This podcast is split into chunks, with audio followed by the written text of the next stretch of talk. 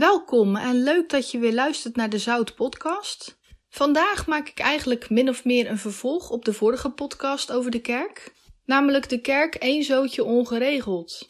Nou, dit is eigenlijk min of meer een soort van vervolg op de eerste podcast. En het zou best wel eens kunnen dat je nu denkt: Goh, Helen, het lijkt wel alsof je vaak geen goed woord voor de kerk over hebt. Hoe komt dit? Nou, dat misverstand wil ik sowieso eventjes uit de podcast en uit de wereld meteen helpen. Ik heb geen hekel aan kerken of kerkgemeenschappen. Ik heb ook geen wrange gevoelens naar voorgangers, predikanten of dominees, maar ik ben wel vaak een opmerkzaam mens. Niet overal waar gospel gedraaid wordt is een goede bodem om in te zaaien. En niet alles wat een christelijk tintje heeft, komt daadwerkelijk van God. Veel kerken houden er niet zoveel bijbelse principes op na. Heel veel gemeenschappen zijn uber religieus, regeltjes en wetten, maar vooral voor anderen. Wie naar de eerste podcast over de kerk heeft geluisterd, die kan ook horen hoe ontzettend mis iets kan gaan terwijl het een goed begin had. Kerkgemeenschappen die bijvoorbeeld tien jaar geleden nogal als een trein liepen, staan nu vaak stil op het station. Wonderen en tekenen en speciale gebeurtenissen gebeuren niet meer. De hechtheid onder de broeders en zusters is weg. Laat de vlam weer branden, zegt een bekend opwekkingsnummer. Maar ja, de waakvlam is gedoofd. Vele kerkgemeenschappen zijn een warm bad dat snel afkoelt. Men maakt zich niet meer druk of het woord van Jezus wordt verkondigd, maar men maakt zich druk om welke koffie er geschonken gaat worden. Wie er met de vlaggen mag dansen deze keer op het podium. Ja, men maakt zich zelfs druk om een naam die op een foldertje gedrukt moet staan, want dat ontwerp is toch echt van mij. Aan dat mooie christelijke logo heb ik namelijk uren gewerkt. Dan is het toch wel fijn dat er een bronvermelding op vermeld staat. Ja, vraag menig man uit de straat of er nog goede kerken te vinden zijn. De meeste mensen geloven vandaag de dag niet meer en je zult dus ook antwoorden krijgen dat men niet meer in de kerk gelooft. Kerken, dat is allemaal één pot nat. Religie heeft de wereld niets gebracht. Nou, en inderdaad, religie brengt de wereld ook niets. Maar een echt geloof in Jezus, een echte band met God, dat wel. Christenen daarentegen zullen zeggen: Ach ja, vele kerken zijn gemoderniseerd. Vele kerken zijn veranderd, dat klopt. Maar we hebben het nog steeds over de kerk, de gemeente van God. Daar moeten we respect voor hebben. Tja, de meningen zijn dus eigenlijk wel verdeeld. Het ouderwetse beeld van een kerkorgel en een kaarsje branden is vaak achterhaald en niet aantrekkelijk voor de moderne mens. Wanneer de moderne mens echter aan een moderne kerk denkt, zoals een kerk met opwekkingsliederen en Halleluja, praise the Lord, ziet men vooral dat er heel veel chaos in dit soort kerken is. Het lijkt soms wel één grote grabbelton vol met ego's. Eigenzinnigheid is het woord dat ik eigenlijk vandaag de dag op de kerk zou plakken. Eigenzinnigheid betekent werkelijk, en jawel, daar kom ik weer met mijn woordenboek, een te grote overtuiging hebben van eigen kunnen. Een persoon die alles op zijn eigen manier doet. Kijk, er is natuurlijk helemaal niks mis wanneer je op een unieke en eigen manier iets aanbrengt. God heeft ons namelijk stuk voor stuk talenten gegeven die we op onze eigen manier mogen presenteren. We mogen een eigen soort performance neerzetten. Verwar daarom originaliteit niet met eigenzinnigheid. Eigenzinnig zijn of halstarrig zijn heeft ook niets te maken met bruggen bouwen, met mensen tegemoetkomen, maar dit gaat eerder over muren om iemand heen bouwen, om jezelf vooral. Deze eigen gereidheid is in het geloofsleven van veel christenen vandaag de dag echt een probleem. Veel christenen in een kerkgemeenschap hanteren dan ook wel de Facebook-mentaliteit. Niet objectief kijken, maar wel oordelen. Denk maar eens aan uitspraken zoals: Nou, dat zie ik toch niet graag. Of Nou, daar ben ik het toch echt niet mee eens hoor.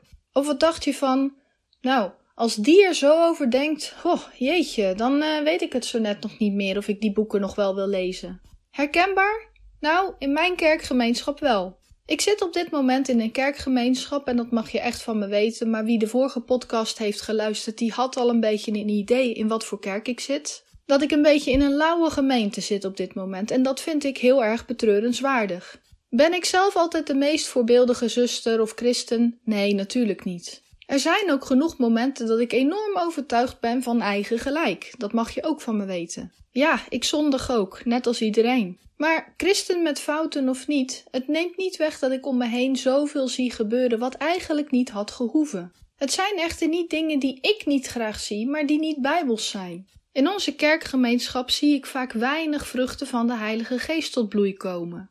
We leven in een wereld waarin iedereen zich mag inmengen, mag bemoeien, mag instemmen met bepaalde algemene zaken. Mede dankzij de sociale media mogen we overal over oordelen. We mogen overal ons zegje over hebben. En ja, omdat dit gebeurt, heeft ook de toegewijde christen in één keer een groter ego gekregen dan 20 jaar geleden. Ik denk serieus dat we anno 2021 juist heel waakzaam moeten zijn.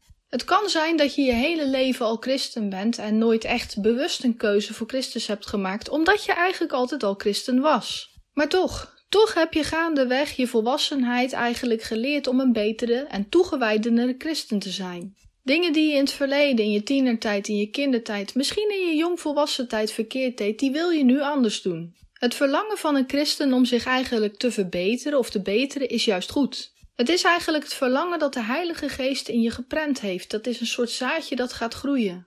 Wie later tot bekering is gekomen of altijd een religiechristen was en later pas een relatiechristen is geworden, zo kan het dus ook. Of wie voorheen nooit wat geloofde, maar nu wel Jezus wil volgen, die heeft ongetwijfeld al gehoord van de vruchten van de Heilige Geest, iets waar ik net ook over sprak. Bekeren is niet zomaar iets. Wie zich bekeert, die draait zich eigenlijk een slag om. Je draait je als het ware van de duisternis weg naar het licht toe. Het is eigenlijk heel zwart-wit, maar je draait ook 180 graden een slag met je emoties, met je gevoelens, met je kijk op de wereld. Wie vroeger bijvoorbeeld een dikke egoïst was toen hij nog niet bekeerd was, heeft zich nu bekeerd en wil eigenlijk het tegenovergesteld worden. Die wil gul worden. Wie vroeger veel kwaad sprak over andere mensen en zich bekeerd heeft, die wil nu eigenlijk ja zegeningen over mensen uitspreken. Die wil het goede doen.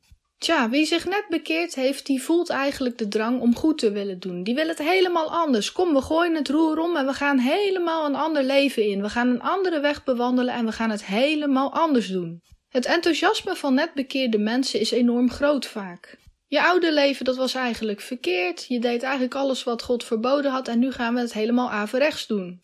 We gaan wandelen in het licht. We gaan echt de vruchten van de Heilige Geest aannemen voor echte waarheid. We willen daarnaar streven dat we echt ja, alles wat fout was in één keer goed gaan doen. Dat gaat een tijdje goed en op een gegeven moment zie je mensen terug de mist ingaan. Je ziet mensen opnieuw vervallen in oude patronen en geloof me, ik kan hier ook over meespreken. Het is mij ook al gebeurd. Hervallen in oud gedrag is ook niet abnormaal in deze gebroken wereld.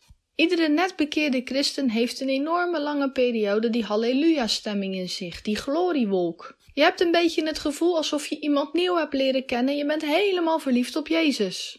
Ja, en net als bij een nieuwe vriend of vriendin die je leert kennen, waar je helemaal hotel de botel van bent, wil je eigenlijk ontzettend goed je best doen. Je wilt goed in de smaak vallen. Je zet je beste beentje voor. Maar jammer is het dan ook wie niet waakzaam genoeg is. En dit is ook in een gemeente heel erg het, uh, ja, het idee vaak dat de waakzaamheid een beetje verslapt. Dat we hervallen in onze oude patronen. We hervallen eigenlijk in wie we waren. Neem bijvoorbeeld een christelijke vrouw die vroeger voor haar bekering heel veel roddelde, die nu eigenlijk bekeerd is, een hele tijd het goede doet, eigenlijk goede zegeningen over mensen spreekt, heel veel voor anderen klaarstaat, maar na een tijdje van onopmerkzaamheid toch weer vervalt in oude patronen. Ze begint toch kwaad te spreken over medebroeders en zusters. Of wat dacht je van iemand die bijvoorbeeld heel egoïstisch was voor zijn bekering? Zo iemand die net na zijn bekering heel bescheiden werd, heel vrijgevig. Zo'n mens waarvan anderen begonnen te zeggen: Nou, wat een verandering heeft die persoon doorgemaakt. Vroeger kon er geen cent vanaf en moet je nu eens zien.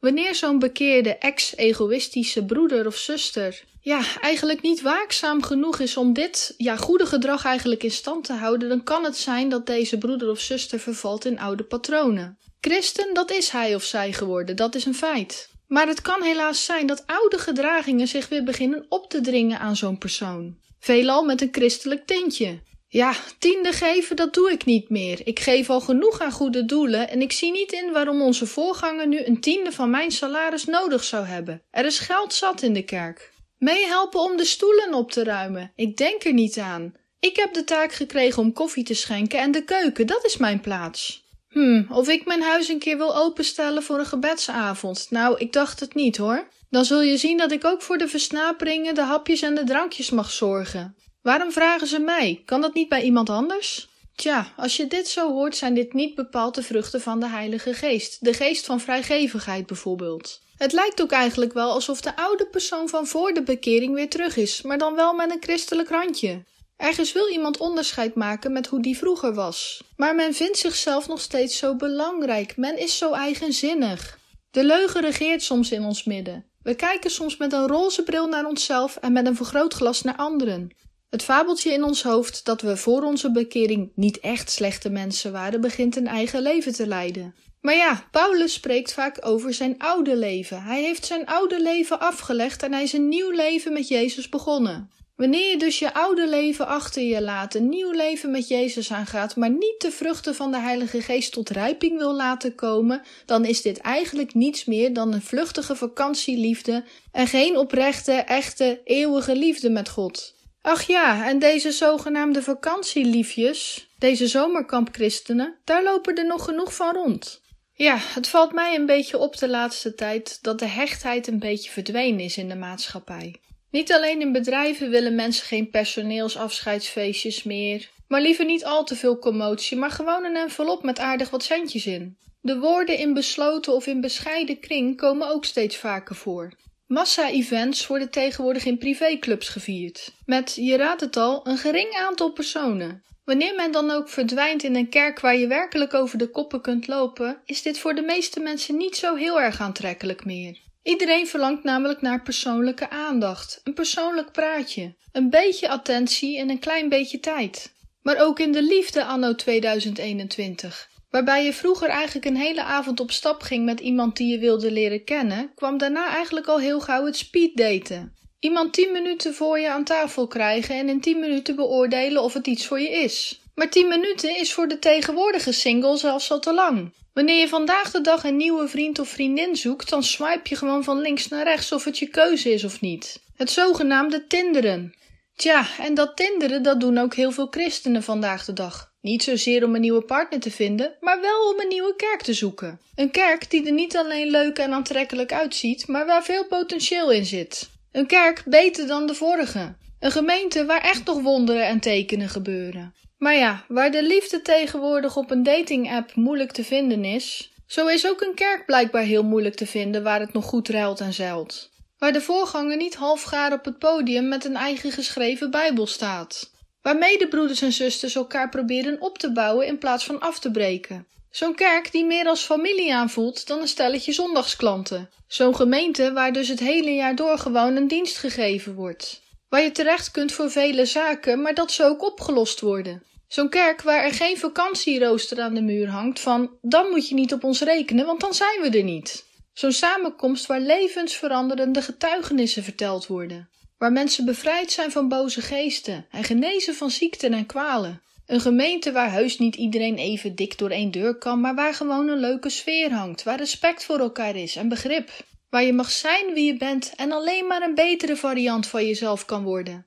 Tja, ligt het aan mij of lijkt dit een onmogelijk verhaal vandaag de dag? Soms vind ik het treurig om te zeggen, maar er zijn vrijmetselaarsloges waar het er saamhoriger aan toe gaat dan in de meeste kerken. Maar ook, uit eigen ervaring gesproken, gaat het er ook in de meeste heksenkoffers ook behoorlijk leuk aan toe.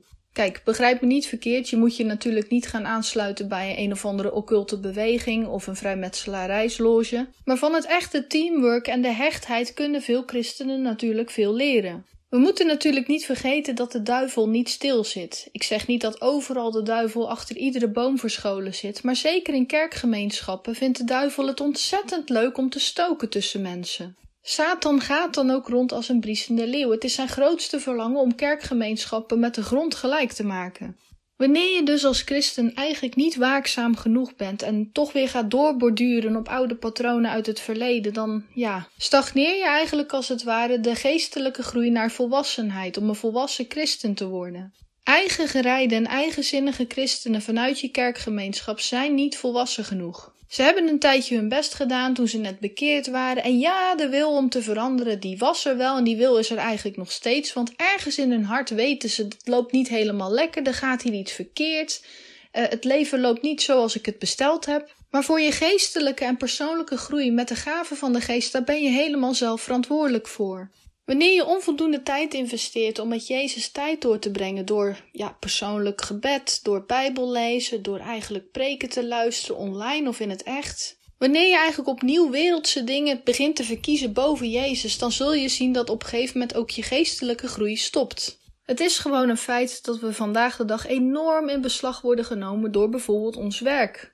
Ons gezin en allerlei sociale verplichtingen naar anderen. Maar hoe vaak gebeurt het ook niet dat als we eventjes tijd hebben, deze opvullen met filmpjes op YouTube of even op onze telefoon kijken? We worden continu als het ware verleid om afleiding te zoeken. We worden als christenen weggeleid van God.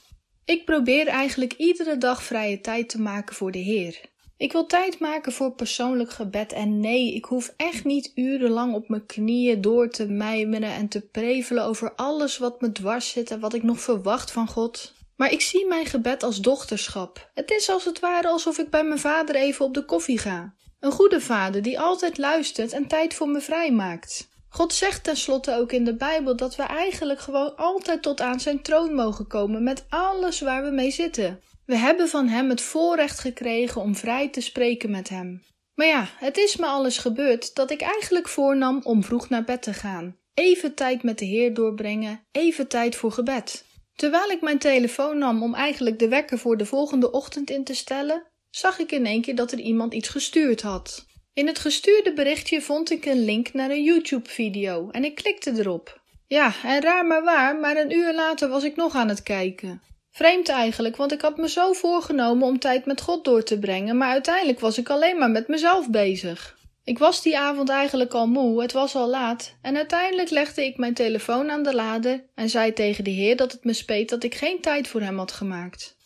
Nou, misschien is dit wel een herkenbare situatie voor je. Je neemt je vaak voor om ergens voor te bidden of tijd te nemen om met God door te brengen. Ja, en toch, op een of andere manier beland je dan met je telefoon in je handen. Zit je een film te kijken op Netflix bijvoorbeeld? Of bel je toch nog even met een goede vriend om te vragen hoe zijn dag geweest is? Ook in heel wat christelijke gezinnen staat God niet op nummer 1. Kinderen zijn vaak prominent aanwezig en ouders zijn vaak uitgeput. Een half uurtje eerder opstaan voor de grote gezinsroutine begint kan soms al een hele slop worden. Maar gelukkig, gelukkig weet God dat. God wil echt niet dat wij op een of andere manier een soort van gedwongen bij hem op de koffie gaan. Zoals ik net al zei, met God praten is eigenlijk vader-dochter of vader-zoonschap. Een verplichte ontmoeting is allerminst wat God van ons verlangt. Maar zoals ik altijd zeg, God ziet het hart aan. Hij ziet of je echt het verlangen hebt om met hem om te willen gaan, of dat je gewoon eigenlijk alles aangrijpt om maar niet met hem om te hoeven gaan. Wie zijn tuin namelijk verwaarloost, moet niet verwachten dat hij volgend jaar tussen de rozen zit. Wie zijn geloof verwaarloost, moet niet verwachten dat hij de vruchten van de Heilige Geest tot rijping ziet komen.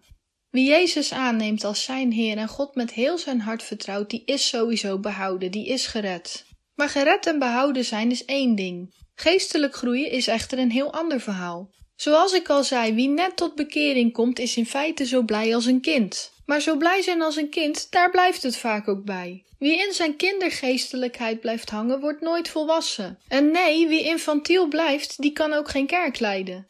Echter ja, het is een helaasheid te dingen dat heel wat kerken die nu bestaande zijn door kinderen geleid worden. Geestelijke kinderen. Het is niet eerlijk dat dit, het is niet eerlijk dat dat. Ik wil daar niet aan meedoen, ik doe dat niet. Zij zegt dit over mij, hij beweert dat. Nou, als het zo zit, dan kom ik niet meer hoor. Als jij mijn Bijbeltekst niet mooi vindt, ah wel, dan vind ik die van jou ook niet mooi. Ja, ze zeggen wel eens: een blinde kan een blinde de weg niet wijzen. Maar misschien is er wel in het land der blinden één oog koning. Misschien zelfs wel in je kerk. Wie namelijk onderscheid maakt van dit soort patronen, dit soort gedragingen binnen een kerk, heeft al een mate van volwassenheid bereikt, of toch minimaal een tienerleeftijd. Wie doorkrijgt dat de kerk vooral op eigen kracht aan het draaien is en niet zozeer met hulp van God, die persoon is eigenlijk heel hard nodig in zijn kerk. Maar ja, jammer genoeg is zo'n persoon vaak op de dol, al eigenlijk zoekende naar een andere kerk. Zo'n kerk waar hij of zij wel gelijkgestemde vindt. Zo'n kerk waar Jezus op de troon zit en niet het ego van de mens. Tja, en een tijdje geleden vroeg er iemand aan mij of een kerk effectief nodig is. Is het effectief nodig om met een grote groep mensen samen te komen, liedjes te zingen, een worship te doen, een tekstje te lezen en dan ook een preek aan te horen? Is het nodig dat we in één en hetzelfde gebouw komen om eigenlijk onze zondag door te brengen? Nou ja, dat laatste dat klinkt natuurlijk een klein beetje onorthodox. Onze zondag doorbrengen kunnen we op vele manieren, maar wat ik nu ga vertellen kan een beetje revolutionair overkomen. Wanneer we kijken naar de tijd van Jezus, had Jezus wel een synagoge waar hij af en toe wel eens kwam. Er wordt ook verteld dat hij soms in huizen het woord bracht. We kennen ook de verhalen dat Jezus rondtrok eigenlijk en dat hij in diverse gemeenten en dorpen en steden kwam om eigenlijk het goede nieuws te vertellen, maar ook om genezingsdiensten te doen. Jezus koos eigenlijk gewoon een vlakte, een weide, een woestijngebied, een gebergte of zelfs aan een meer uit om daar het goede woord te brengen. Jezus was eigenlijk niet bepaald plaatsgebonden. Hij trok eigenlijk van stad naar stad en van dorp naar dorp, maar ik kan nergens in de Bijbel terugvinden dat hij daar een huis huurde of een gebouw huurde of een, uh, ja, een binnenplaats huurde om samen te komen. Jezus was in zijn tijd geen arme man. Hij had zelfs een vriend nodig, een discipel nodig die het geld beheerde. Dus ja, je kunt er wel van uitgaan dat als jij luttele muntjes in je zak hebt zitten, dat je niet speciaal iemand nodig hebt die de geldkist draagt, zeg maar. Er was in principe geld genoeg om eigenlijk een pandje te huren in elke stad of in elk dorp waar Jezus kwam, maar dit deed hij niet. Jezus wilde zijn bezoeken aan de mensen eigenlijk heel persoonlijk houden. In de Bijbel worden enkele gebeurtenissen beschreven dat hij effectief bij de mensen thuis kwam. Bijvoorbeeld bij Zacchaeus kwam hij thuis. Bij de schriftgeleerde Nicodemus kwam hij thuis. Maar er zijn eigenlijk talloze verhalen over Jezus te vinden waar hij helemaal niet in een gebouw was. Jezus vond het namelijk nodig dat zoveel mogelijk mensen de blijde boodschap konden te horen krijgen. Ik bedenk dan ook wel eens gekscherend dat als Jezus vandaag in 2021 geleefd had, dat hij misschien wel een busje had gehuurd om crisscross door het land heen te rijden. Een busje met misschien wel een tekst erop: Jezus komt naar je toe. Wie zich een beetje een beeld is gaan vormen van Jezus' leven, die weet dat Jezus heel persoonlijk was, zoals ik net zei. Jezus kwam graag bij mensen thuis, hij at graag, hij dronk graag een drankje. Nee, Jezus was geen veelvraat of een drankorgel, maar Jezus liet zich wel graag verwennen, hij genoot van het leven. Jezus was helemaal geen man die een teruggetrokken leventje leidde in de luwte en dat hij daar een beetje in soberheid en eenvoud zijn dagen sleet.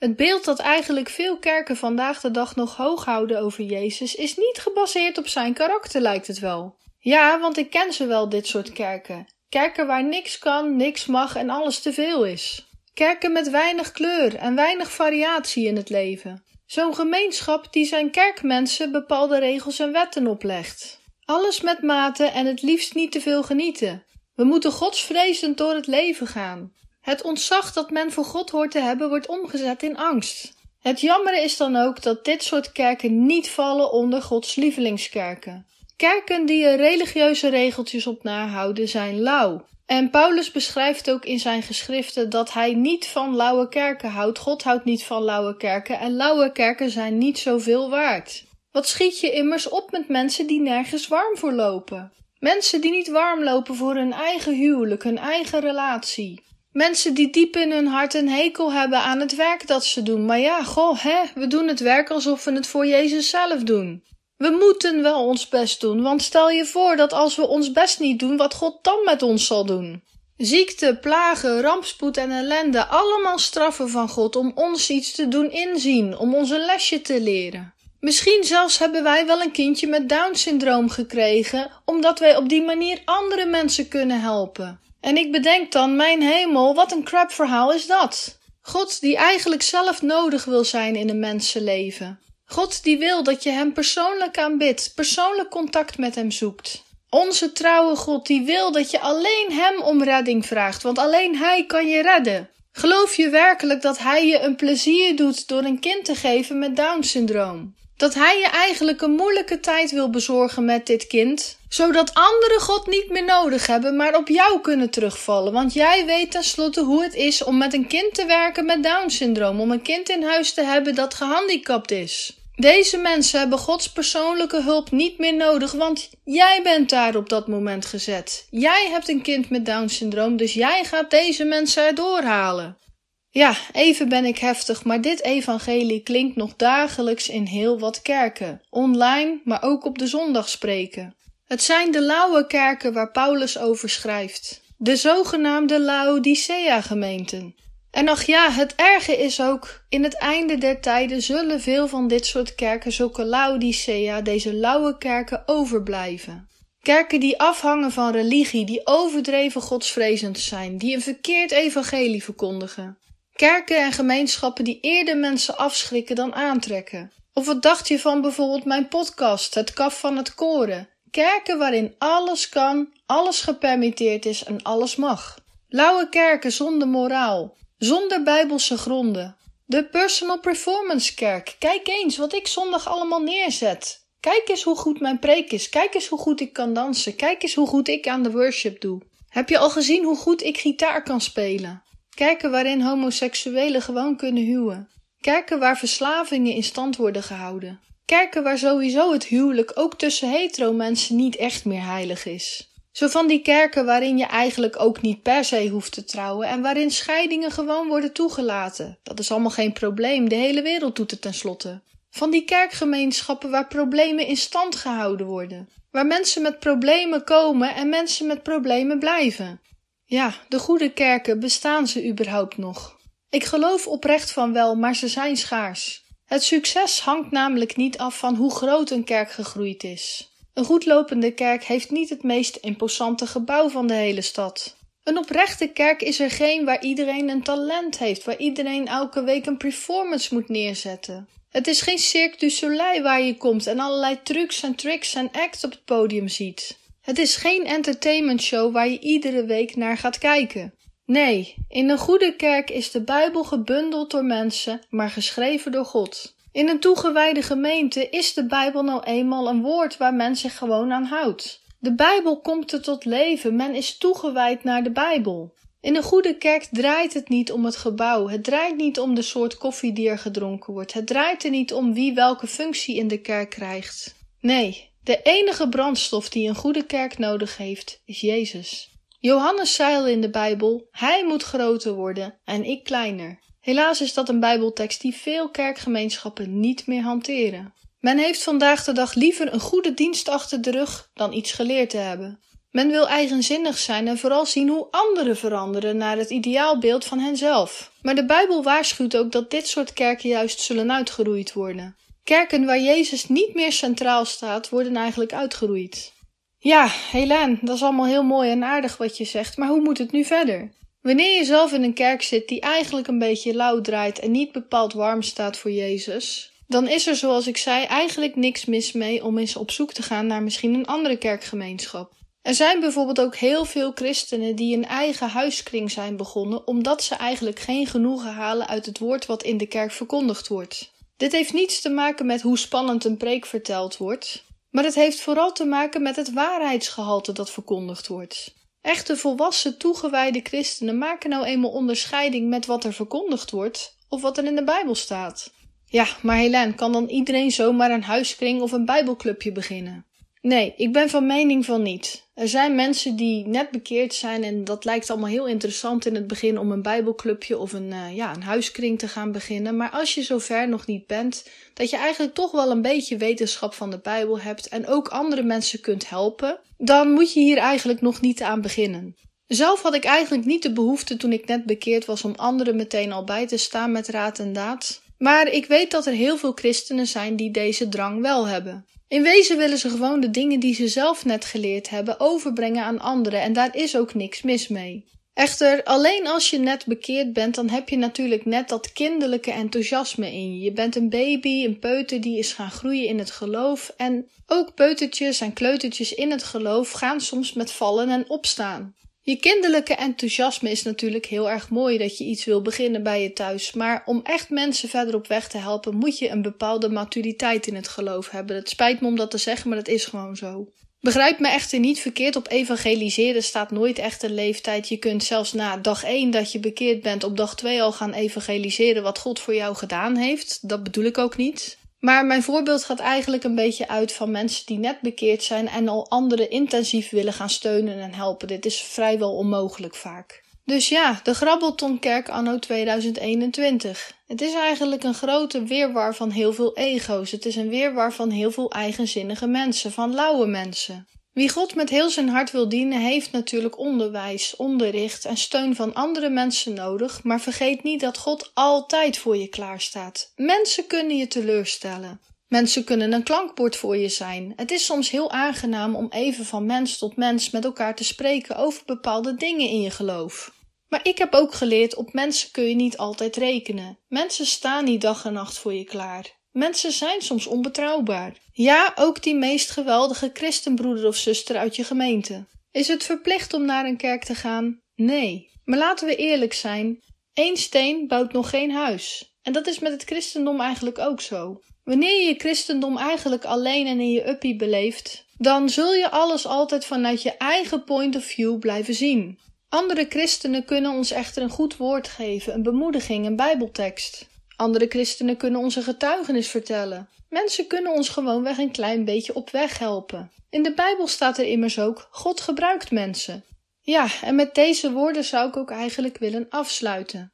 Maak je geen zorgen als je in een niet zo goed draaiende kerk zit. Je kunt altijd naar een andere kerk gaan. En er is ook niks mis mee als je niet in een kerk zit, maar gewoon een leuke samenkomst met mensen hebt. Bijvoorbeeld een wandeling gaat maken. God prijst, God looft. Soms kunnen die kleine gemeenschappen, die kleine groepjes mensen zoveel waardevoller zijn dan een goed gevulde kerk waar iedereen een stoel staat warm te houden. Neem gewoon een keer in overweging of jij op je plek zit in jouw kerk. En betrek God ook bij alle hartverlangens dat je hebt. God wil namelijk dat wij gelukkig zijn. Ik hoor je de volgende keer graag weer en ik wens je een heel gezegende week toe.